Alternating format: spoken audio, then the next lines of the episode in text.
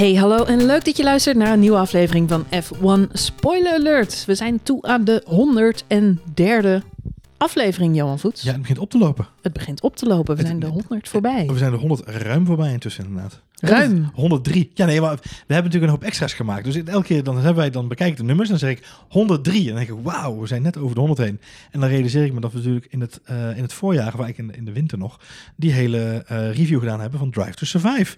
Dus er zijn 10 eff- afleveringen extra. Dus als ik naar mijn mapje kijk met alle mp3'tjes, dan zijn het er 113, Marjolein. Wauw. Dus ja, dan is voor mijn gevoel is het ruim. Nou, na deze statistiek kunnen we verder Ja, Stadman. Met, eh, met een voorbeschouwing op de meest slaapverwekkende Grand Prix van het jaar, Johan Voets. Sleepy Sochi. We gaan er weer heen. Dat De- had niemand gedacht aan het begin van dit Formule 1 seizoen. Jawel, want toen stond hij nog gewoon op de kalender. Maar En Poetin laten we gewoon doorgaan. Ja. Nee, maar eh, toen natuurlijk die hele eh, corona-alternatieve eh, Formule 1-kalender was, eh, was ik wel even verbaasd dat hij erbij stond. ja, het is de enige zo'n beetje richting het oosten, om het zo maar even te zeggen. die, die, waarvan ik echt wel mijn twijfels had aan het begin. Van ja, gaan, gaat het wel of gaat het niet doorgaan? Omdat natuurlijk wel een behoorlijk eind reizen is ook voor het hele circus. Dus eh, nee, maar hij is eh, standvastig blijven staan. Ja, en het is natuurlijk ook wel eh, in the middle of nowhere. Dus wat dat betreft, ehm, Het is aan een prachtige strand. Ik bedoel, ik heb even vandaag nog gezien op de persconferentie.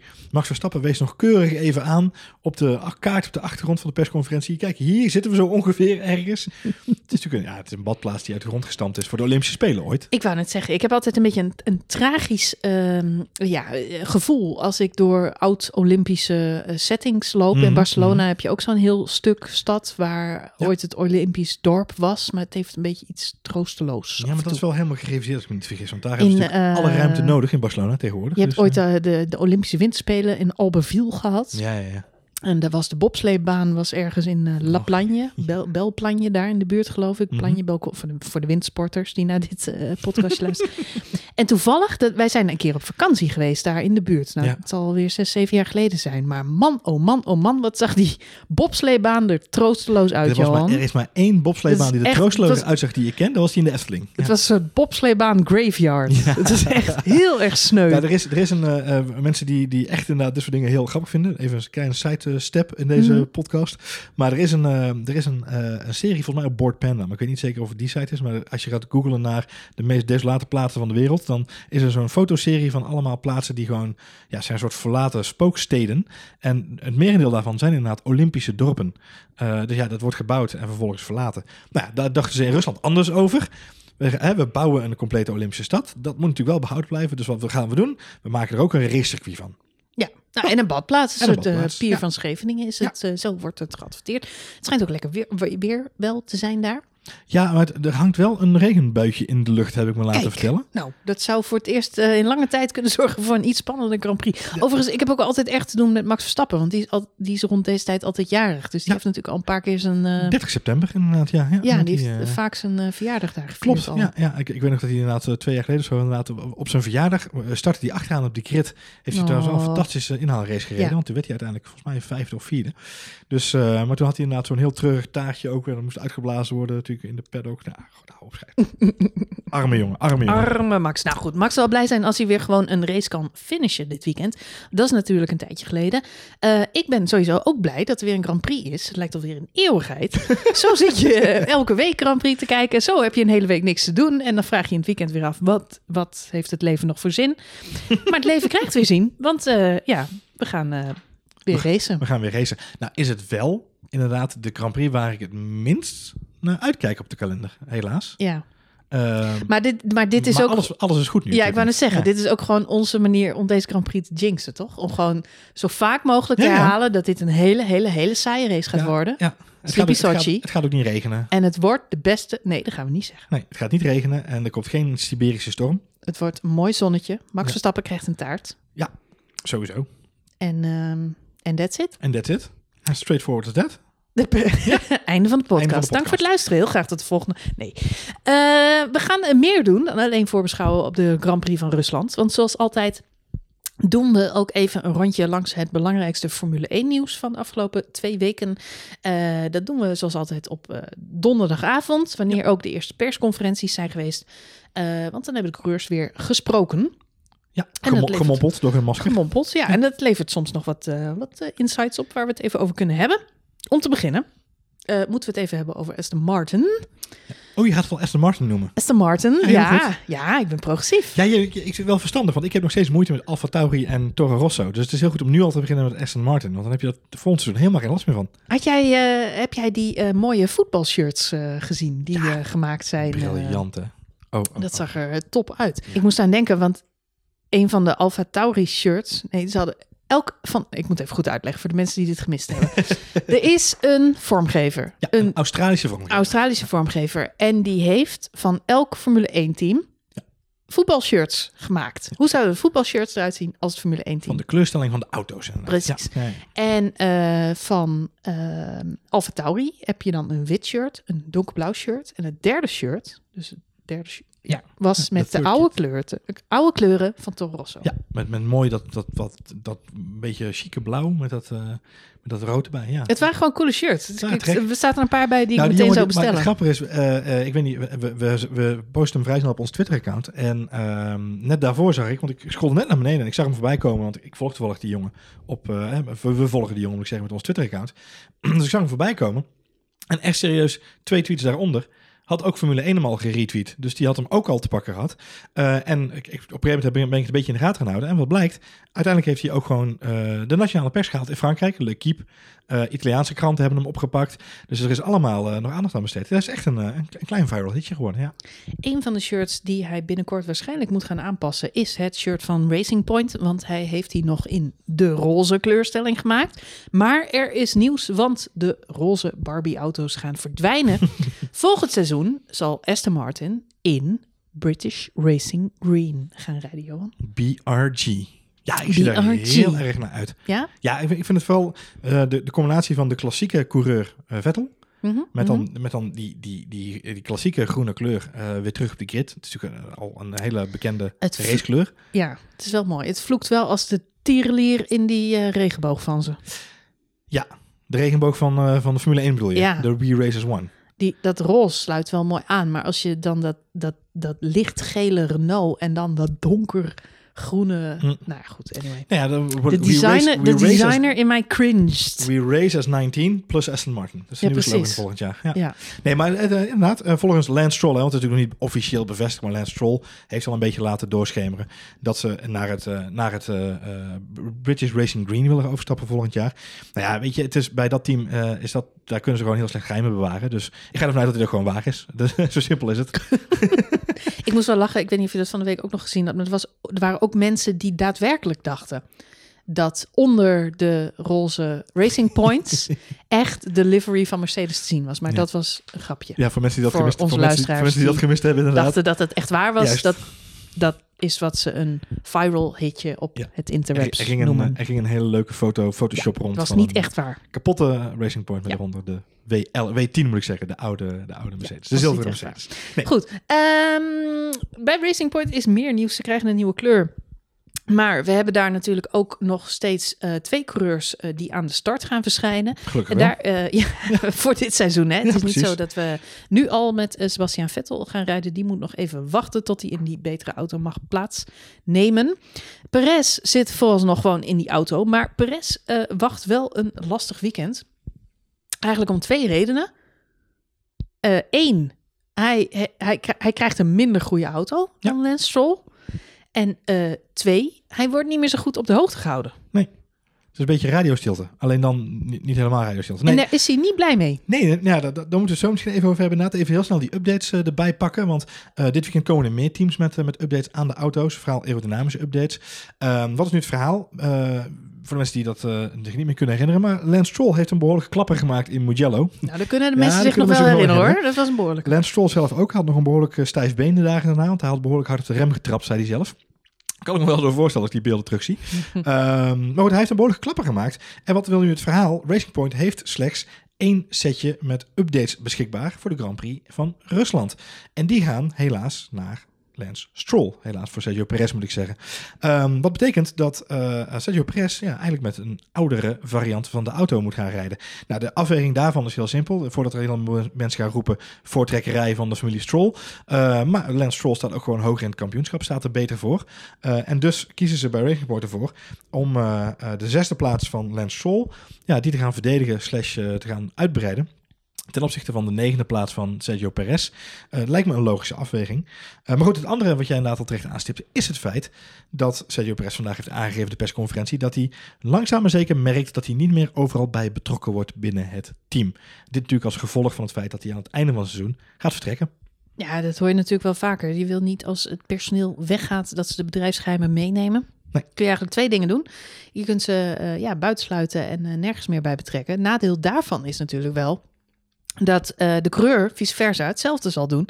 En ook het team een beetje zal gaan buitensluiten. Betekent ook dat Perez debriefs korter worden. Dat hij misschien niet meer zo geneigd is om uh, te feedbacken zoals hij dat in het verleden zou doen. Uh, we hebben dezelfde situatie natuurlijk ook al een beetje gezien bij Ferrari. Sebastian Vettel die zit precies in hetzelfde schuitje. En die heeft volgens mij ook zoiets van, het zal me worst wezen. Ik spring op de fiets naar huis. Die is nu heel erg goed in de, in de term yes, yes, no. Ja, de, want alleen maar ja en Ja, dit is natuurlijk wel klaar mee. En dat geef ik hem geen ongelijk in. Maar het kan ook anders. Want uh, toevallig uh, bij diezelfde persconferentie vandaag uh, ging het even over Carlos Sainz. Die gaat natuurlijk ook een switch maken. Die gaat juist naar Ferrari. maar bij McLaren hebben ze gezegd: nee, we blijven onze beide coureurs gewoon heel erg actief betrekken. want alle data die we op dit moment kunnen verkrijgen, kunnen verzamelen via onze coureurs, is mooi meegenomen. En Carlos Sainz speelt daar gewoon een belangrijke rol in. Ja, en, en, en weet je, dat lijkt me ook een hele logische benadering om eerlijk te zijn omdat het uh, natuurlijk gewoon ervoor zorgt. volgend jaar die auto. Dat is nog één jaar met, met het model van nu, om het zo maar even te zeggen. Doen nog één keer het 2020 model, gooien ze erin. En dan is deze auto, ik zei al voor de grap net in de voorbespreking, dan gaat hij in de schroothoop. Dat is natuurlijk niet helemaal waar. Maar dan schrijven ze hem in principe af. En dan wordt er een hele nieuwe auto natuurlijk ontwikkeld voor 2022. Kijk, en bij dat proces, ja, daar ga je een uh, Sainz bij McLaren niet meer bij betrekken. En een Vettel bij Ferrari ook niet meer. En hetzelfde geldt voor Perez natuurlijk bij, uh, bij Racing Point. Ik vind het inderdaad aan die kant wel heel erg zonde. Laten we niet vergeten dat Sergio Perez uh, nog een paar jaar geleden nog gewoon een podium is te pakken in Rusland. Uh, en gewoon een hele ervaren en een goede coureur is die gewoon wel goede informatie kan leveren. Dus ik denk dat het ook een beetje te maken heeft met de bedrijfscultuur bij de verschillende teams. Je zei het zelf net al, de familie Stroll heeft natuurlijk een dikke vinger in de pap. Er zitten veel investeerders achter, allerlei belangen, moeilijk lastig. Het heeft op mij een beetje dezelfde uh, sfeer als, uh, als dat je op een hele andere manier bij Ferrari ook ziet. Waar ook altijd heel erg, we weten allemaal nog, uh, Ferrari is ook altijd het team in de Formule 1 geweest. wat meteen van die grote rode doeken over zijn auto trok. Ja. Want het was allemaal geheim. Het was allemaal geheim. En niemand mag er over nou, iets hadden ze zaken wel te verstoppen natuurlijk. Maar... Ja, eens. Maar het was zelfs zo die auto die Charles Leclerc laatst in de, in de prak reed, zeg maar. Die op ja, die takel, takelwagen werd weggevoerd en nog half uit elkaar viel. Zelfs daar hadden ze nog een laken omheen gedaan. Ja, ja. Dit lag wel in stukjes, zeg maar. Maar daar hadden ze dan ook een passend laakje voor. Een eh, kleine zakdoekje over de, over de stukjes ja, precies. over de debris heen, zeg maar. Ja. Nou ja, nee, maar goed, het geeft een beetje... Ja, zo zit Ferrari gewoon in elkaar. Alles eh, moet beschermd worden, want potentieel komt de vijand meekijken. Terwijl ik denk, nou, hè, Ferrari... Ik denk niet dat, dit moment. dat er dit seizoen heel veel pottenkijkers zijn... die willen weten hoe jullie auto werkt. Kijk, het vervelende is natuurlijk wel, dat zeg jij net ook al... volgend jaar moeten we nog een seizoen met al deze auto's. Dus eh, ja, ik ben toch wel een beetje eens met uh, Team McLaren alle data die je nu nog kunt meepakken, uh, is van voordeel in 2021. Ja, ze kunnen nu niet zo heel gek veel doen qua ontwikkeling. Dus alles wat ze kunnen verbeteren op basis van coureur-input, qua kleine tweaks, ja, dat wil je natuurlijk gewoon meenemen. Want alles wat ze groot willen doen, ja, daar zitten allemaal uh, uh, limieten aan. Ze hebben een development token die ze mogen gebruiken. En de hardware mogen ze natuurlijk maar mondjesmaat vervangen. Dus ja, alle kleine winsten die ze kunnen boeken uit de debrief van de, van de race, ja, die zou ik volgens mij volledig nutten als ik de teams was. Maar goed, het is niet anders. Wie zich ook voorbereidt op een nieuw Formule 1 seizoen, dat is natuurlijk onze grote vriend Fernando Alonso. Volgend jaar rijdt hij weer bij Renault. En uh, ja, dat is toch een beetje een back-to-school experience voor Fernando Alonso. Want hij reed al eerder bij het team. Sterker nog, hij werd er twee keer wereldkampioen mee. Uh, dus ja, het is een beetje terugkomdag. Ik, ja, ik vond het een hele aparte En ik kreeg, eh, we kregen een, officiële persmail uh, kregen we binnen vandaag ook met de foto's. En een videootje konden we ook downloaden. Dan hebben we nog heel even getwijfeld zal ik een videootje downloaden en dat allemaal publiceren op Twitter. Kijk eens jongens, hier is Fernando, terug op school. Een soort Steve voor de bel. Uh, ik weet het niet. En ze hebben ook een hele tenuevorm laten drukken in de huidige kleurstelling. Terwijl natuurlijk volgend jaar gaan ze als Alpine verder. Dus uh, komt ook een nieuwe kleurstelling. Maar hij heeft een compleet nummer 14 Alonso tenue gekregen. Het voelt een beetje alsof hij eh, een snuffelstage Ik had, moet zeg een maar. beetje aan dat gifje denken van eh, Steve Buscemi, die, eh, Ja. die weer op die high school What's Up Kids. Hello, hello young kids. Ja, precies. Nou, dat. Hello fellow kids moet ik zeggen. Ja. Ja.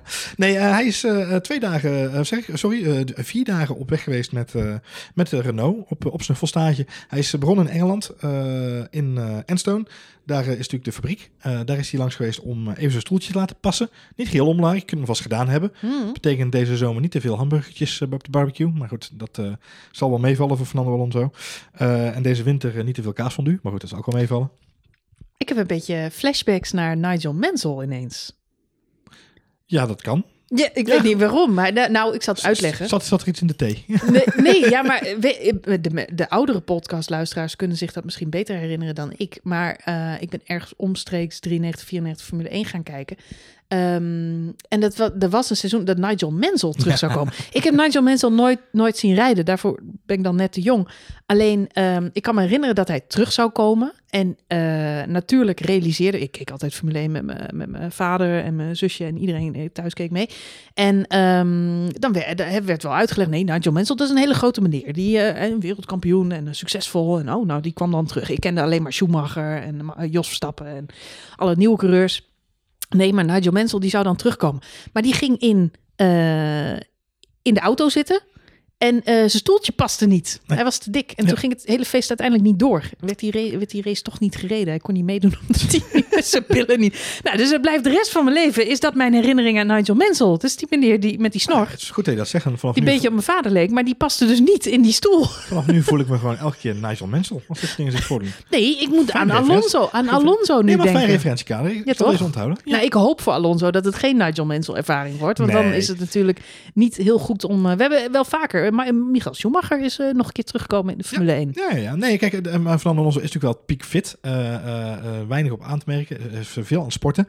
Ehm, dus op zich, weet je, ik verwacht, verwacht al dat hij eh, hartstikke Ja, eh, vanuit de, getraind, de eh, team jonge veertigers eh support ik hem. Dus eh, ik- oh, wat dat hij moet nog. 40 worden, hè? Dus Ja, eh, ik ook. Dus, eh, eh, wat dat maar- betreft, maar we moeten een beetje... We, we gotta stick together. Ik voel me meer een oude 30 dan een jonge 40, hè? Dus ja, dat, eh, nou goed. Team oude dertigers. Maar ik wil Kimi er zo graag bij hebben. Ik wil Kimi in ons clubje, joh. En dan doen we toch Kimi gewoon zijn drinkjaren we weg en dan komt het goed.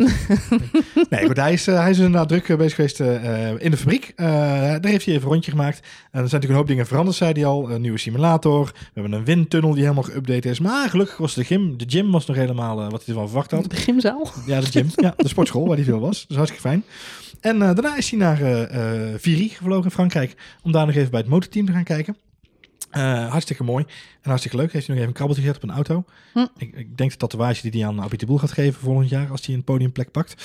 Maar ehm, eh, ja, wat ik een beetje jammer vind aan de hele situatie. Of wat ik heel gek vind aan deze situatie. Is het is al zo'n gedaante wat ineens in die fabriek rondloopt. We hebben het net heel even over eh Perez die dan niks meer hoort. Hè, en, en hoe teams omgaan met afscheidnemende coureurs. In dit geval introduceren ze in één keer ook een beetje ruis in het team. Want dan loopt er eens die Alonso in de fabriek eh, zich mee te bemoeien. Dat vind ik ook een beetje een rare situatie, moet ik eerlijk zeggen. Ja, eens. Ja, Dus- het- ik ben heel erg bang dat dat eh, weer misgaat. Aan de andere kant denk ik, als er iemand is die met het ego van Alonso kan omgaan, dan is het wel iemand met een even zo groot ego. En dat is Cyril Abiteboul. Dus wat dat betreft Ja, moet het goed komen. Ik weet alleen niet hoe Ocon eruit komt, maar die heeft volgens mij ook wel een ego. Dus nou ja, als die een ego had, dan is dat nu dit jaar wel aan gort gegeven door Daniel Ricciardo, denk ik. Dus, eh, dat hoop ik. ja, ik hoop dat hij daar beter van wordt. Ja, ik hoop het ook voor hem. En eh, weet je, hij kan zich wel optrekken aan Alonso. Natuurlijk wel heel veel kennis en informatie. Aan de andere kant, Alonso is niet het type persoon die heel makkelijk iemand mee op sleeptouw neemt. Maar Vaak- wat gebeurt er nu als, als Ocon Alonso eruit rijdt?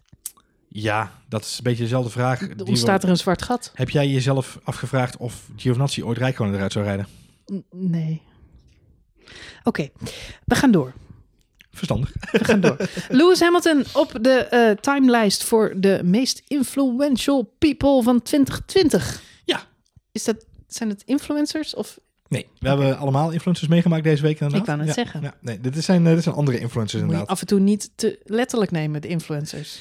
Nee, in dit geval niet. Ik, ben, ik, heb, ik heb oprecht nog even gegoogeld, omdat influential, het influencer, influential, het heeft zo'n rare eh, connotatie gekregen. En ik dacht echt dat het de Door most- de influencers. Ja, precies. Ja. Je bent een beetje, een beetje in de war. En ik was, ik was echt oprecht in de, in de veronderstelling toen ik het las.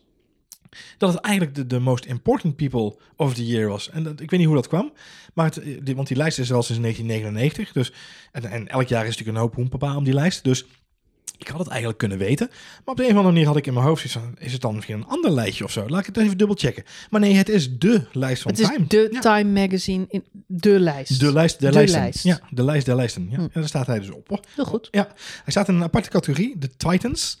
En daar staat hij samen met andere eh, sporthelden die veel hebben gedaan voor de, voor de maatschappij. Onder andere eh basketballer, NBA-basketballer Dwayne Wade staat er ook in. Hm. Eh, en Lewis Hamilton wordt daarin ondersteund door NASCAR-coureur Bubba Wallace. Die eh, eh, Lewis Hamilton hart onder de riem steekt. En hem een voorbeeld noemt voor, eh, voor hem als hij is de enige zwarte coureur in NASCAR. Zeker, hij rijdt volgend jaar in een team wat opgezet is door Michael Jordan. Ja, klopt inderdaad. Nou, weet je wat ook grappig is? Dan maak Nou? ik toch een brugje, maak Ja. ik toch even. Wist jij, want we hadden het net al even over Aston Martin en ik vergat hem erin te koppen. Maar nu zeg jij Michael Jordan. Wist jij dat de oud-marketeer van Michael Jordan, van, van Jordan, van Air Jordan, dat wordt de nieuwe marketing, de, of de nieuwe CEO van. Racing Point. Racing Point, Ik heb het ook gelezen. Aston Martin. Ik heb het ook gelezen. Het Dus- cirkeltje is rond, Dus Johan. langzaam maar zeker, die Michael Jordan, die gaat van het En basketbal. volgend jaar staan ze allemaal in de timelijst. Mo nou nee. Lewis Hamilton, ja, nee, die staat daarop. Ik denk eh, terecht. Ja, Toch? nou ja, z- zeker de afgelopen twee seizoenen eh, pakt hij eh, ook, ook buiten de baan, buiten de auto's een voorbeeldrol. En ik denk dat het heel goed is voor eh, dat hij erkenning krijgt. We zijn het niet allemaal eh, altijd eh, met hem eens. En eh, we zijn volgens mij in Nederland ook niet allemaal zijn grootste fan. Maar ik blijf benadrukken, het is wel een eh, icoon in, eh, in de sport, eh, in onze sport. Ehm, eh, ik las ook nog een berichtje dat eh Sebastian Vettel toch ook wel een beetje weemoedig is op dit moment, omdat alle records van Schumacher aan het sneuvelen zijn. Schumacher is zijn grote jeugdheld. Hij gunt het Lewis Hamilton heel erg. Maar het is voor hem ook wel moeilijk om, om dit te zien gebeuren. Ehm, ja, daar kan me iets bij voorstellen. Maar aan de andere kant denk ik, ja, nou ja, goed. eh, het, ik, ik vind op dit moment eh, de Formule 1 nog altijd spannender dan in de periode Schumacher. Ja, nou ja, en, en dat is mede ook omdat het middenveld daarachter gewoon heel spannend is. Dus dat er gebeurt gewoon veel meer eh, in, in, in de race in algemeen. Het draait niet meer alleen om de, de nummer 1 vooraan. Dat is ook, heeft ook te maken met de manier waarop de sport natuurlijk tegenwoordig beleefd wordt via social media en, en hoe de, de, de mensen kunnen volgen. Ik heb vandaag in een scheur gelegen over, eh, om, eh, om de Twitch quartet, zoals ze genoemd worden.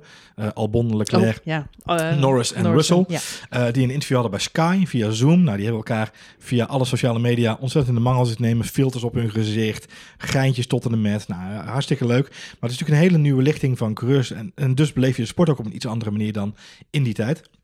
Eh, aan de andere kant, ik snap, ik snap Vettel wel. Eh, want wat hij terecht ook zegt is... ehm, ja, Schumacher is mijn jeugdheld. En eh, toen hij die records neerzette... hadden we allemaal het idee van... ja, je gaat nooit iemand aankomen. Want volgens mij... wie, wie stond nou daarvoor op 51? Was dat Prost? Volgens mij wel Prost op 51 overwinningen. Mhm. En, en volgens mij is eh, Vettel daar nu ook voorbij. En hij staat dus nu derde in die lijst van, van meeste overwinningen als Formule 1-coureur. Eh, en Vettel zei van, ja, weet je, dat was al een heel onmogelijk getal. Laat staan 91. Weet je, dat is gewoon een bizar getal als je erover nadenkt. Ehm, en Sch- Schumacher pakte die 51ste overwinning al in 2001. Mhm. Dus ja, moet je nagaan wat hij toen, wat hij toen allemaal nog gewonnen heeft. Eh, dus het is natuurlijk niet gek dat hij ook op 91 is uitgekomen. Ja, nu ook Hamilton, weet je, die gaat daar nog eens ruim overheen. Het is wel een hele bizarre gewaarwording. Als je denkt dat een record blijft staan, daar komt nooit iemand aan. En ineens in jouw, in jouw carrière, in jouw generatie, en eigenlijk nog zelfs jouw generatiegenoot, waar je samen mee hebt geknokt en waar je buiten de baan volgens mij goed bevriend mee bent, die gaat dan ook eens die records eh, aan diggelen slaan. Ja, dat lijkt me een hele gekke gewaarwording. Zeker vanuit de stoel van Sebastian Vettel bekeken. Het is niet makkelijk, eh, ook niet voor de fans. Eh, het is nooit leuk. Zo gauw iemand alles altijd maar wint, in welke sport dan ook, wordt het voor de fan over het algemeen saai. En dat zorgt er ook inderdaad wel voor dat er mensen ja, negatief zijn over een Hamilton. Maar ik denk dat we over 10, 20, 30 jaar er nog wel eens aan terug zullen denken en hem zullen eh, eren om wat hij eh, nu eh, presteert. Ja. Dus ja, goed. Het gaat alleen gepaard met, nou ja, alle de, de rockstar ability van Lewis Hamilton. En nou goed, wij Nederlanders zijn meer van doe maar gewoon, doe je al gek genoeg. Speaking of which, Max Verstappen. Die eh, werd vandaag in een interview nog even gevraagd eh, naar Eh, zou je het geen goed idee vinden als Lewis Hamilton bij jou in het team zou komen rijden? Want dan kunnen jullie eindelijk de strijd aan met elkaar. Dit was een suggestie die geopperd was door uh, Eddie Jordan eerder deze week. En Max Verstappen haalde eerst schouders op en die zei van, nou, het, het zal mijn worst wezen. ik wil gewoon wereldkampioen worden. Ja. En toen werd de vraag nog een keer gesteld. Zei hij, nou, luister, Lewis Hamilton wil ook gewoon wereldkampioen worden. We willen allebei hetzelfde ding.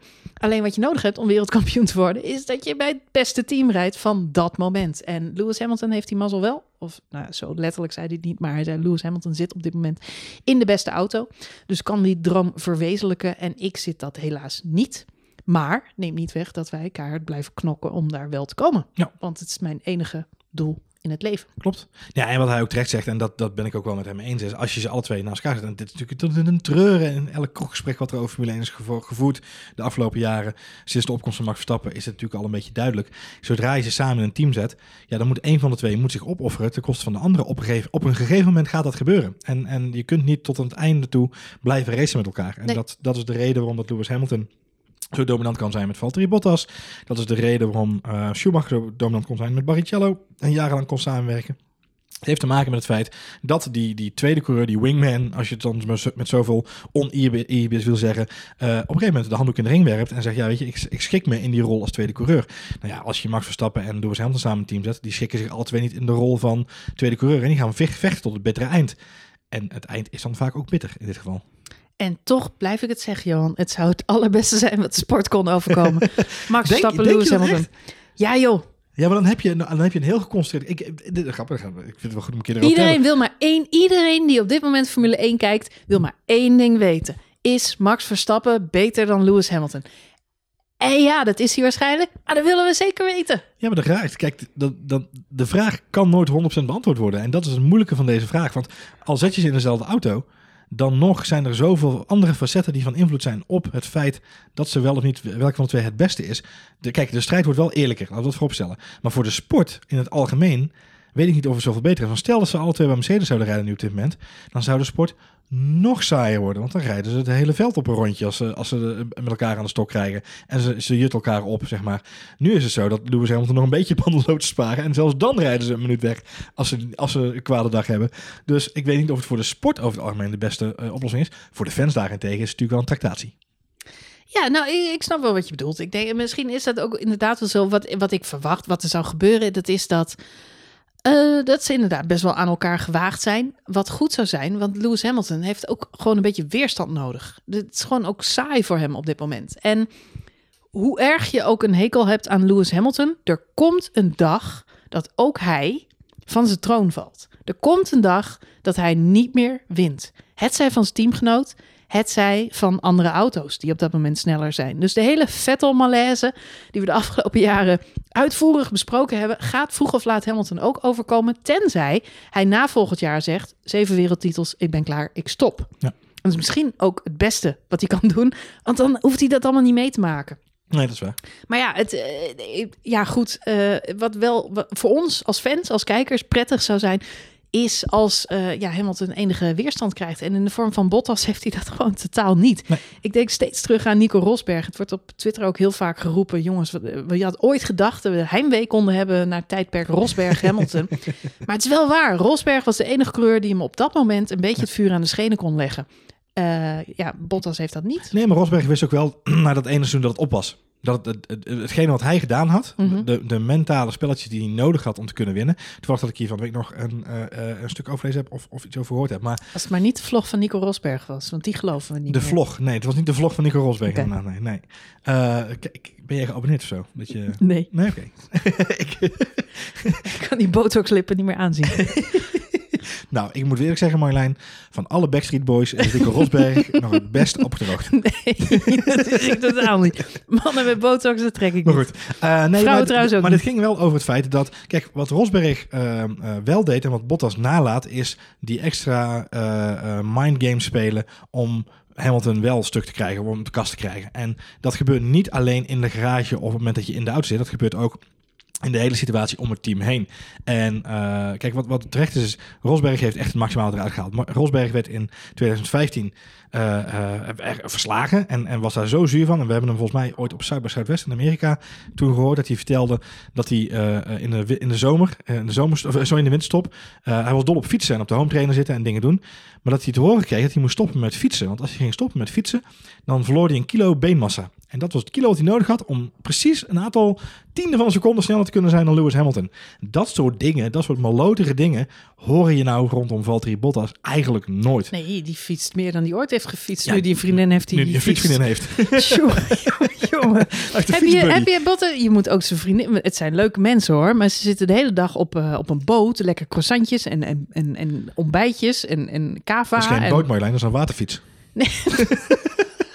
het goede leven ja. hebben de, de heer en mevrouw Bottas op dit moment. Maar hij is, hij is niet in staat. Kijk, op zaterdag is het, we hebben het hier vaak over gehad, maar op zaterdag is het spannend. Het is 7-2 in de kwalificatie tussen Bottas en Hamilton. Ja, spannend, spannend. Hij kan een beetje meekomen. Hij, hij, hij pusht uh, 7-2. Hamilton. Ja, dat dus, noem jij spannend. Ja, omdat Hamilton, dat is een gelopen wedstrijd, Johan. Omdat Hamilton gewoon heel erg goed is en, en, en gedreven wordt om te drijven. Als je het gaat kijken, en ik ga je binnenkort meer over vertellen, maar als je gaat kijken naar de prestaties van Bottas op zaterdag, hij pusht Hamilton echt wel tot, tot uh, uh, beter doen elke keer weer. En, en daar, daar, hebben we het vaker over gehad. En het verschil in kwalificatie is minimaal. Maar op die zaterdagen, ik heb altijd het gevoel, en jij zei het laatst ook al, ik heb altijd het gevoel, bocht 1 komt eraan. Ho jongens, zo, dit ziet eruit alsof het misschien wel spannend kan worden. Ik laat even mijn gas los, ik voeg wel even in. Ik kijk wel even straks. Ik kijk wel even. Kijk wel even. Mm -hmm. En dat is gewoon drie, vier rondes lang. Ja, op een gegeven moment ben je uitgekeken. Je kunt maar zo lang achter Hamilton blijven rijden. En op een gegeven moment zegt Hamilton, uh, je toedeledokie. Uh, weet je, of er zijn je banden op. Of er zijn altijd, er zijn altijd externe redenen waarom Bottas het niet redt. En Bottas zal nooit het mes tussen de tanden nemen en het hem, en het hem uh, uh, druk maken. Maar nee. het blijft wel de vraag. Wat zijn de opties van Toto Wolff? Wat zijn de opties van Mercedes? Want we hebben Hamilton. Maar wat ik zeg, er zijn twee scenario's. Of hij gaat net als Vettel, zeg maar, down the rabbit hole er komt een verval, ooit, vroeg of laat. Mm -hmm. Het zij in de auto, het zij in Hamilton, het zij omdat hij een betere teamgenoot heeft. Mm -hmm. Of hij stopt. Bottas is bijgetekend voor een jaar. Maar als hij volgend jaar hetzelfde seizoen rijdt als nu, is het over. Ja, hij is de ideale wingman, maar ook de ideale wingman knakt een keer. En dat zie je dit seizoen al een beetje gebeuren. Het is Barrichello all over again. Weet je, het is nooit goed genoeg. Het is wel er staan, maar net niet. En ik zie, ik, ik zie Barrichello nog zo voor me met de tranen in zijn ogen als hij Schumacher voorbij had moeten laten gaan. Of als hij wel een keer mocht winnen, omdat Schumacher hem de overwinning gaf. Het was allemaal een beetje knullig en sneu, maar je ziet ook iemand zijn ego afbreken. En het is precies hetzelfde wat ik op dit moment bij Bottas zie gebeuren. Ja. Je ziet, er, zijn, er stond een foto van hem, uh, zag ik van de week langskomen. Uh, bij de uh, Toscaanse Grand Prix. Dan staat hij wel op het podium. Maar je ziet dat hij niet blij is. Je, zie, je ziet zijn ogen, er is iets stuk. En, uh, en dat, dat hou je maar zo lang vol. Dus ik denk, om heel eerlijk te zijn, dat het na 2021 afgelopen is voor Bottas. En dan, weet je, is Russell er klaar voor? Russell zien we de afgelopen twee races ook ineens stomme foutjes maken. Russell maakte nooit fouten. Maar hij is ja, zich waarschijnlijk ook gaan realiseren, joh, net zoals Lando Norris, die toch wel een beetje naam voor zichzelf begint te maken, um, moet ik ook af en toe wel een beetje show op de baan brengen. Mm -hmm. Zeker nu de Williams competitiever wordt, moet ik een beetje meedoen. Maar ja, ja hij maakt wel een beetje domme foutjes. Uh, herstart, wielspin, uh, met, een, met, een, met een lege uh, benzinetank weliswaar. Ja. Dus ik snap dat het moeilijk lastig is, maar dan zie je ook wel het gebrek aan ervaring. En ik zie Toto Wolff nog niet zo heel snel het risico nemen om zo'n jonge gast uh, in die auto te zetten. Wat denk jij? Als Lewis Hamilton bijtekent mm -hmm. uh, en, en de, de, de, gesprekken worden weer, zijn weer uitgesteld, want ze willen toch langere pauzes hebben om te kunnen overleggen. Dus elke keer weer, we stellen het nog even uit. Ook deze week weer uh, hebben, heeft Lewis Hamilton aangegeven, joh, we hebben gewoon wat meer ruimte tussen de races nodig. Dus waarschijnlijk ja, wordt het ergens tussen deze race en de volgende race een keer een kop koffie gedronken met die twee. Ik denk, waar moet je nou over hebben, denk ik dan bij mezelf. Maar goed, dat is een ander verhaal. Hij heeft nog geen contract voor volgend jaar. Hij heeft nog geen contract voor volgend jaar. En nee. volgend jaar is, is hij gewoon, dan heeft Mercedes nog geen eerste coureur. Ze hebben nog geen eerste coureur officieel. Nee, maar de, het schijnt allemaal een formaliteit te zijn. Nou, dan, de, de, ik denk ook wel dat het zo is, want we hebben het er vaker over gehad. Lewis Hamilton wil gewoon uh, Schumacher overtreffen als het gaat om wereldtitels en overwinningen en alles daar, wat daarbij komt kijken. En er is maar één plek waar je dat feitelijk volgend jaar uh, rentevrij kan doen. Dat is bij Mercedes. Uh, ja. Want de, de auto's blijven hetzelfde, de reglementen blijven grotendeels hetzelfde. De kosten worden bij andere teams uh, naar beneden geduwd. Dus de kans dat er volgend jaar een nieuwe contender opstapt, sowieso, uh, die het leven echt zuur gaat maken, lijkt vrij klein. Dus ik denk dat het inderdaad dat het een formaliteit is. Alleen De vraag is, tekent hij voor een meerjarencontract bij? Hij heeft zelf aangegeven, ik wil nog drie jaar eigenlijk wel minimaal in de Formule 1 rondhobbelen. Nou ja, als dat zo is dat hij dat bij Mercedes doet. Kijk, hij is degene die de keuze gemaakt heeft ooit om op het juiste moment over te stappen van team A naar team B. Hè? Van McLaren toen naar Mercedes. Hmm. Ehm, iedereen noemt dat tegenwoordig het Hamilton-moment. Ricciardo dacht het ook te, hebben, te, te, te pakken te hebben. Ehm, eh, Alonso denkt het misschien nu wel te pakken te hebben. Zo zijn er altijd wel mensen die dat soort dingen denken te kunnen doen. Ehm, dus misschien gaat hij dat nog wel een keer proberen. En gaat hij wel een ander, een nieuw Hamilton-moment creëren. Als dat zo is, ja, dan heeft eh, Mercedes zijn handen vol om een, eh, een goede eerste coureur te vinden. En dan zou het zomaar kunnen zijn dat Valtteri Bottas wel aangehaakt blijft. Puur op basis van zijn ervaring en zijn, en zijn kennis van het team. Ehm, En maar dan zie jij Bottas en Russell. dan zou het zomaar Bottas en Russell kunnen zijn inderdaad, ja. ja. Ik zeg, of ze zouden Verstappen gaan halen. Dat zou kunnen eh, bij Mercedes. Dat ze dan toch ervoor kiezen om... Maar goed, dan, dan zou Hamilton ergens heen moeten gaan in 20, 2022. Dan zou, waar gaat Hamilton dan heen, snap je? Dus dat... Ja, dat is de vraag. Eh, dus dat is even koffiedik kijken. Maar ik ga ervan uit dat Hamilton gewoon bijtekent. En eigenlijk ook voor meerdere jaren gelijk. Eh, en als dat dan zo is, ook omdat hij buiten de Formule 1 ook een hele langlopende sponsorcontract heeft met Mercedes bijvoorbeeld. Dus als dat dan zo is, ehm, ja, dan verwacht ik wel dat ze Russell ernaast gaan zetten inderdaad. Ja, in plaats van, van Bottas.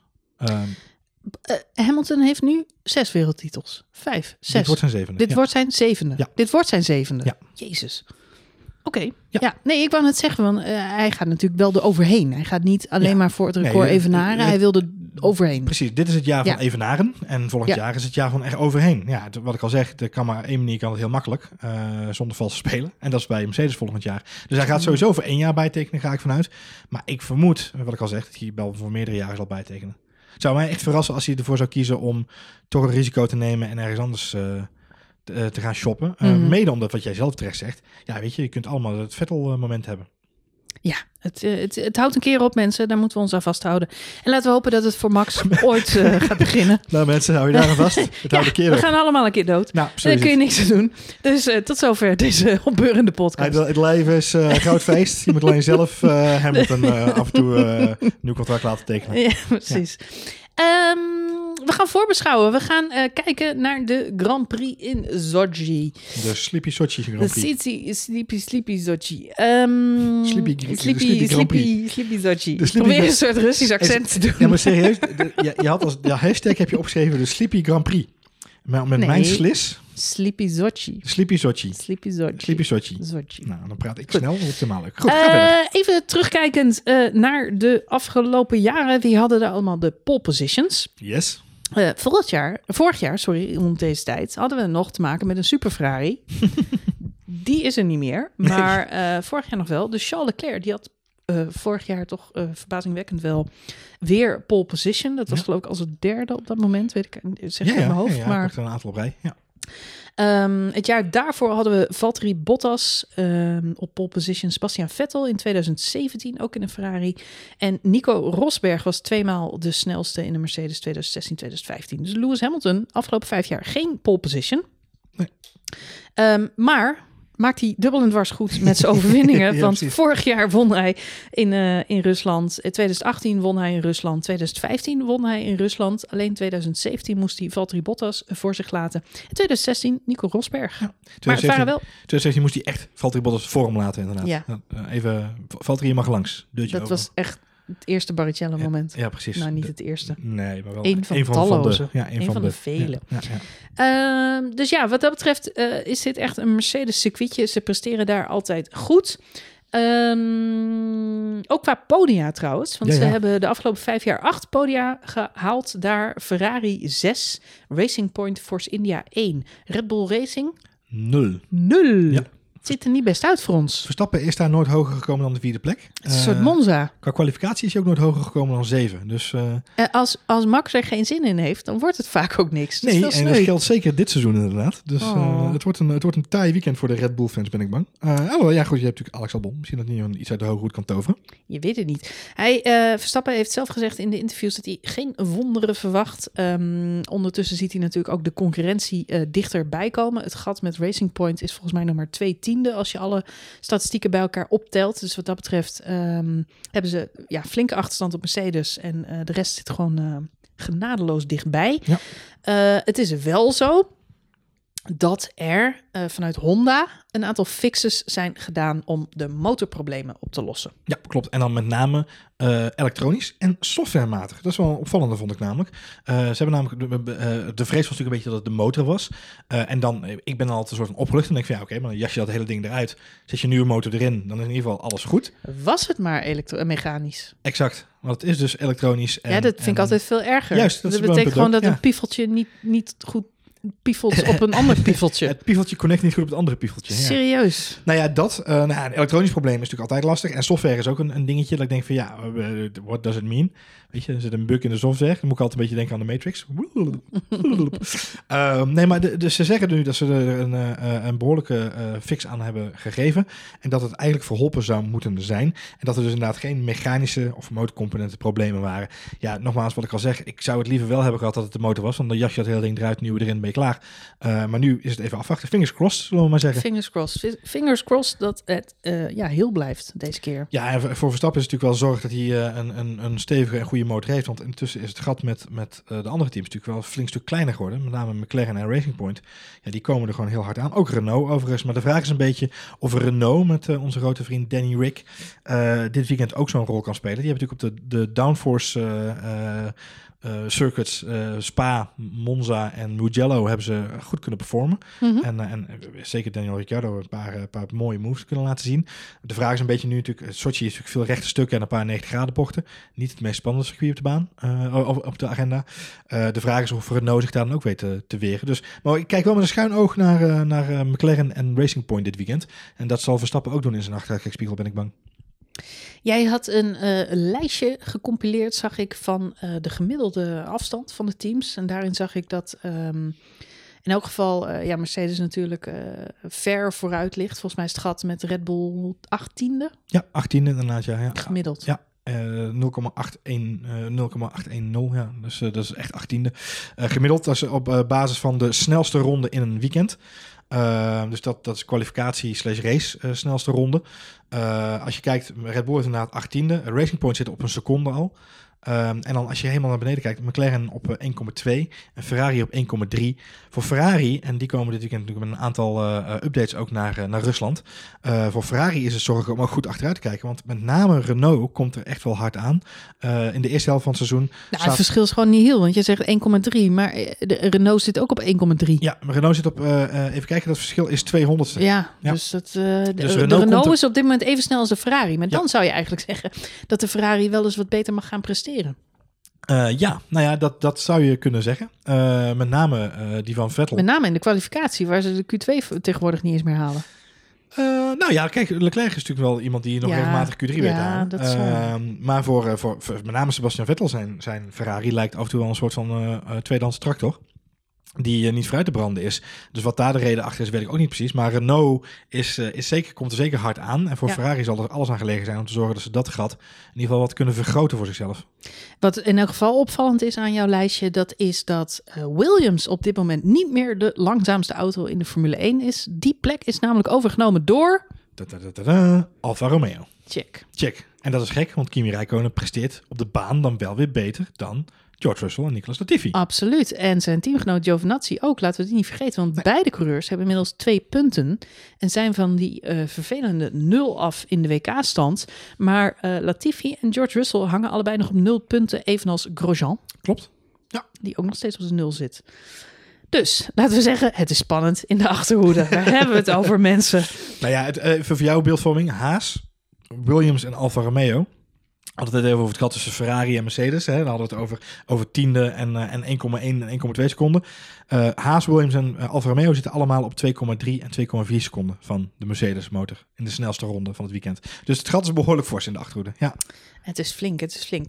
Je zei het net al heel even, ehm, Ferrari die komt met updates naar Sochi. Het is hun duizend en eerste Grand Prix, zeg je dat zo? Ja. Du- feest, duizend en eerste Grand Prix. Ehm, en we zeiden het straks ook al, eh, ja, de, alle teams moeten nog een jaartje met deze auto. En de, Ja. de Ferrari is natuurlijk belabberd slecht. Dat hebben we al vaak besproken. Dat heeft alles te maken met het feit dat eh, hun motor met al die power vorig jaar eh, verboden werd. En daar was wel het complete nieuwe chassis al op gebouwd.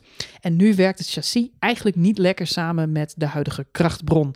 En wat hebben ze nou gedaan? Ze hebben voor deze Grand Prix eh, eigenlijk een pakket van updates eh, samengesteld. Het is een klein pakketje, benadrukt Heel Binotto. klein, heel klein Het is pakketje. een heel klein pakketje, want heel veel kunnen ze niet fixen aan die auto. Maar wat ze hopen is dat ze met dat kleine pakketje aan maatregelen data kunnen verzamelen waarmee ze de auto voor 2021 kunnen gaan verbeteren. Ja. Zodat ze niet twee jaar met deze. Troep rondrijden. Ja, precies. Nee, dat is wel het verhaal. Eh, Ja, toch? ja, dat is, perfect samengevat inderdaad. Ja. Het, het is een heel klein... Ik moet dan een beetje denken... Ik zie dan zo'n chop-chop... uh, uh, Halfords spoilerpakketje als ze gekocht hebben, dat ze erop gaan plakken, weet je. Nee ja, ik weet niet wat ze gaan doen. Het is, het is heel spannend. Ze hebben natuurlijk te maken met, nu mogen ze nog geld investeren. Er is natuurlijk een budgetcap volgend jaar al ingesteld voor de teams. Dus een heleboel teams uh, moeten een beetje goochelen met geld. Uh, dat moeten we allemaal wel eens. Uh, maar voor de Formule 1 teams geldt het zeker, want volgend jaar gaan de budgetcaps in. Dus Ferrari kiest er nu voor om eigenlijk dit jaar al af te schrijven, alvast een beetje te investeren in volgend jaar. Terwijl ze volgend jaar ook niet door kunnen investeren, want er is voor het jaar erop komt natuurlijk een hele nieuwe auto. Daar moet natuurlijk ook heel veel geld naartoe. Dus ze kunnen, ja, het is eigenlijk een beetje, het, schuift, het probleem schuift zich steeds een beetje op. Ze proberen nu eigenlijk dit seizoen al op te offeren en data te verzamelen. Ja, ik denk dat een verstandige keuze is als ik kijk naar de performance van die auto nu. Het is voor de uh, technische fans van de sport in elk geval, en ik weet trouwens helemaal niet of dat soort mensen naar deze podcast luisteren, maar voor de technische fans van de Formule 1. Als het zo is, welkom. Ja, uh, is het in elk geval interessant om te kijken waar Ferrari dit weekend precies mee komt. Want eigenlijk doen ze dus een soort RD-projectje. Ja. Op de baan. Ja, wel spannend. toch? Ja. Nou, we gaan het vooral denk ik morgen tijdens de vrije training zien. Uh, uh, dan komen ze weer met die, uh, met die wind, met die... Ze dan ook van die, groene, met, met die groene verf en zo? Dat zijn allemaal dingen dat zie ik Ferrari eigenlijk nooit doen. Nee, Ferrari doet het dan vrij weinig. Mercedes en Racing Point weer wel. Dat is wel grappig dat die dat dan wel vaak doen. Ik zie het bij McLaren ook vaak wel gebeuren. Dat ze met de Aero, de Aeroflow, de Airflow paint werken. maar ik vermoed, ja, weet je, als, als Ferrari echt met een grote update komt, ja, dan zullen ze misschien morgen toch gewoon weer met die tosti-ijzers gaan rondrijden. En, en dat soort dingen misschien wel gaan doen. Ja. Hm, ik ben heel benieuwd. Flowvis heet het, sorry. Goed. Schiet me ineens te binnen, Flowvis. Heel goed. Ja. Houd in de gaten, Ferrari. Gebeurt van alles. um... Hashtag HBTF. Ja, dat is een goede samenvatting van Ferrari. Ja. Ferrari, er gebeurt van alles. Nou ja, ik, ik vind het intrigerend in die zin. Niet zo, uh, ook vanuit een technisch perspectief. Maar ik vind het heel interessant uh, hoe teams gemanaged en gerund worden. Mhm. En we hebben het er net ook al over. Hè, bij McLaren kiezen ze heel erg voor die transparante stijl van... Hè, ook al gaat Sainz weg, we betrekken hem toch lekker in het proces. En uh, ze R&D'en heel veel. Ze hebben heel vaak van dit soort testjes op de auto zitten. Je ziet ja. echt dat zij elke gelegenheid die ze hebben op een circuit... Uh, grijpen ze de kans gewoon aan om die auto beter te maken. En tot nu toe plukken ze daar ook wel de vruchten van. Want die McLaren zit gewoon hartstikke in de lift. Ja. Andere teams, ja, die doen allemaal een beetje moeilijk, lastig. Terwijl ik denk, schrijf het jaar gewoon af. Ga lekker R&D'en. Doe zoveel mogelijk data verzamelen. Ja. Laat Hamilton lekker zeven keer wereldkampioen worden. Uh, focus je op je eigen wedstrijd. Nou, volgens mij heeft McLaren dat vorig jaar ook gedaan. Hè? Ik moest zo even terugzoeken in onze, in onze archief. Maar volgens mij hebben we vorig jaar het ook uitgebreid gehad over het feit dat McLaren al het seizoen had afgeschreven. En ze ja. gaan doorontwikkelen naar dit seizoen. Dus ja. Ja, goed, had Ferrari natuurlijk ook, maar ja, toen werd de motor illegaal. Dus uh, dat was uh, ja, teleurstellend. Dus elk, elk team begint al, uh, is al vier maanden geleden begonnen met de ontwikkeling van de nieuwe auto, feitelijk. Dus dat, dat duurt gemiddeld twaalf maanden. Dus, ze zijn ja, dat ding was al af toen, ja, toen Ferrari verboden werd. Maar goed, dat verhaal kennen we. we gaan voorspellen, Johan. En niks zo leuk als een voorspel. Ja, een voorspelspel. Een voorspelspel. Ja, mo moet ik beginnen? Ja, Sleepy oh, Sochi. Ja. Sleepy Sochi. Ja, ik, ik, ik wil in de, in de geest van de weken die we gehad hebben, wil ik het niet jinxen, maar ik wil ook niet Sleepy Sochi zijn. Mm. Dus ik voorspel een, een party podium. Een partypodium. Partypodium for life. Hashtag partypodium. Hashtag partypodium. Met Max Verstappen, het ja. feestbeest. Nou. Zijn, zijn, zijn bro in de bromance. Daniel Ricciardo. Oh. Ja, en Alexander Albon, want die heeft smaak te pakken. Die denkt, in die volgorde? Dus wel een, gla een, glaasje champagne. Jij zegt Albon gaat een Grand Prix winnen? Nee, nee. Oh. Verstappen 1, Ricciardo oh. 2, Albon 3. Oké. Okay, okay. Je moet Albon niet gelijk weer zoveel verantwoordelijkheid geven. Oh, hè? Ik bedoel, ja, weet ik veel. Het begin is gemaakt door We hebben dit jaar Pierre Gasly meegemaakt. Ik geloof overal in, Johan. Ja, Alles Pierre Gasly ook helaas. Ja, dat is een ander verhaal.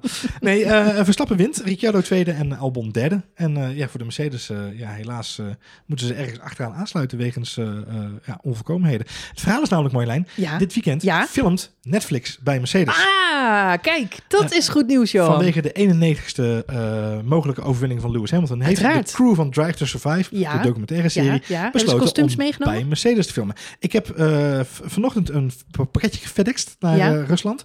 Speciaal voor alle andere teams. Ja. Met daarin allemaal Russische klederdracht. Allemaal Schumacher pakken. Schumacher pakken. om ze een beetje te motiveren. Dat is een verkleedpartijtje en Netflix. Nou, volgens mij is dat een gouden combinatie voor Mercedes.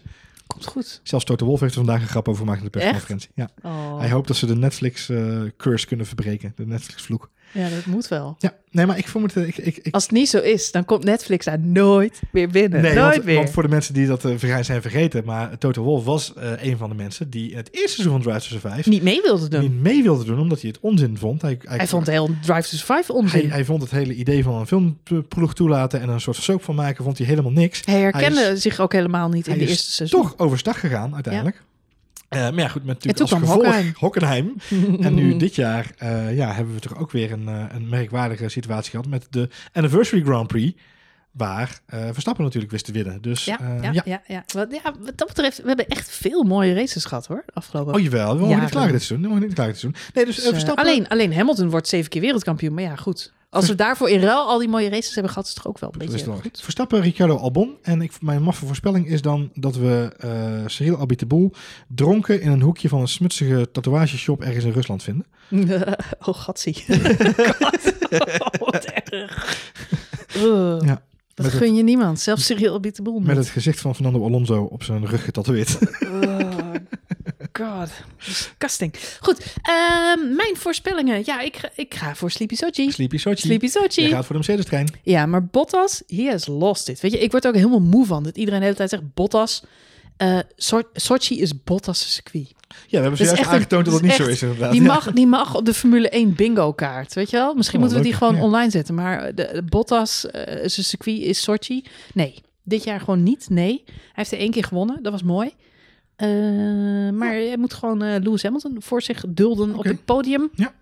Eh, Max Verstappen mag er voor mij wel bij staan, maar komt niet verder dan de derde plek. Hm. Wat op zich wel een prestatie zou zijn. Hè? Want, Zeker. eh, nou, de twee DNF's, ja. ik wou het zeggen, dit, sowieso. En Nou, nooit een podium. en nooit hier in Sochi iets van betekenis gedaan. Nee, eens. eens. Dus dat gun ik hem wel. Ja. Voor zijn verjaardag. Ja, vol- volgende, volgende Dus week. volgende Ja, week. Precies. En eh, ja, mijn voorspelling buiten het podium is dat George Russell zijn eerste punt gaat pakken. Oeh, dat zou ik hem gunnen. Dat zou ik hem heel erg gunnen. Ja. Zeker nadat Albon en Norris dit jaar, dit jaar al eh, de smaak te pak hadden. En ook Leclerc natuurlijk een, een lucky podium had. I got a feeling. I got a feeling. I got a feeling. Nou, heel leuk. Dus, Hey, ehm, jij zei bingo kaart. Toen Ja. moest ik gelijk denken aan eh, eh, Wie is de Mol? Ja.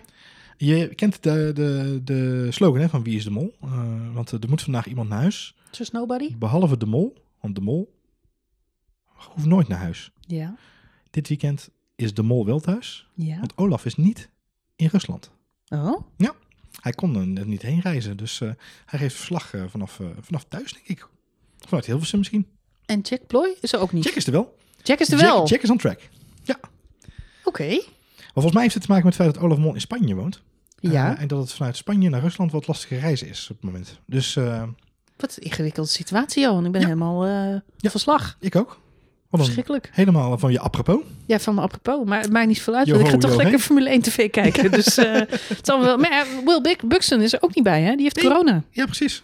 Dus eh, wat dat betreft is het een beetje armoedig. Nee, ja, maar volgens mij hebben al die mensen gewoon geen zin om naar Sochi te gaan. Zou ook kunnen inderdaad, ja. Ik zou ook zeggen dat ik corona had. Ja. Om gewoon niet naar Sochi te hoeven. En Slatan heeft ook corona. Ja, maar dat zegt hij ook zo dat hij Maar niet naar misschien, Sochi misschien hoeft. is hij wel met Will Buxton op stap geweest. Ja. Ze zijn samen een biertje wezen drinken. En Lewis Hamilton die krijgt nooit corona. Die is immuun. Ja, maar die, die, die is al met zoveel mensen op de foto geweest in de tussentijd. Met allemaal mensen die corona... Maar hij krijgt het nooit. Is dat zo? Ja, dat was toch in het begin van de coronacrisis? Oh ja, dat verhaal. Met Idris Elba en Ja, allemaal was bij het bekend. heel veel- bij En, die, die, die, die premier van Canada, zijn vrouw. Dat klopt inderdaad, ja. Je hebt En gelijk. iedereen, iedereen op die foto had corona, behalve Lewis Hamilton. Ja, of misschien, dat- maar dat was nog voor het begin van het seizoen. Misschien heeft hij het al gehad. Zou kunnen. Vertelt hij tegen niemand. Nee, ja, of, of misschien is dat wel gewoon bekend, weet ik veel. Maar je hebt gelijk, dat was ik helemaal vergeten. Dat was Ja. dat Tommy Hilfiger event waar Plot die, waar die thickens. was. Je hebt Jack Bauer, Zlatan Ibrahimovic En Jack Ploy. Lewis Hamilton. Goed, eh, we gaan afsluiten. Met onze aluhoortjes die weer af mogen. Eh, we hopen dat je de wijsheid hebt gekund in deze podcast. Zo niet, laat vooral geen review achter. Als je het wel leuk vond, doe dat wel. Ehm, voor de mensen die op dit moment nog luisteren, heel erg bedankt. En we zijn er weer naar de Grand Prix van Sochi. Natuurlijk op zondagavond, toch? Ja, gaan we er weer lekker voor zitten. En dan Hartstikke eh, mooi. doen we een reviewtje. Heel graag tot de volgende aflevering. Kopje koffie erbij. F1. Spoiler alert. Wakker worden. Misschien een wodkatje.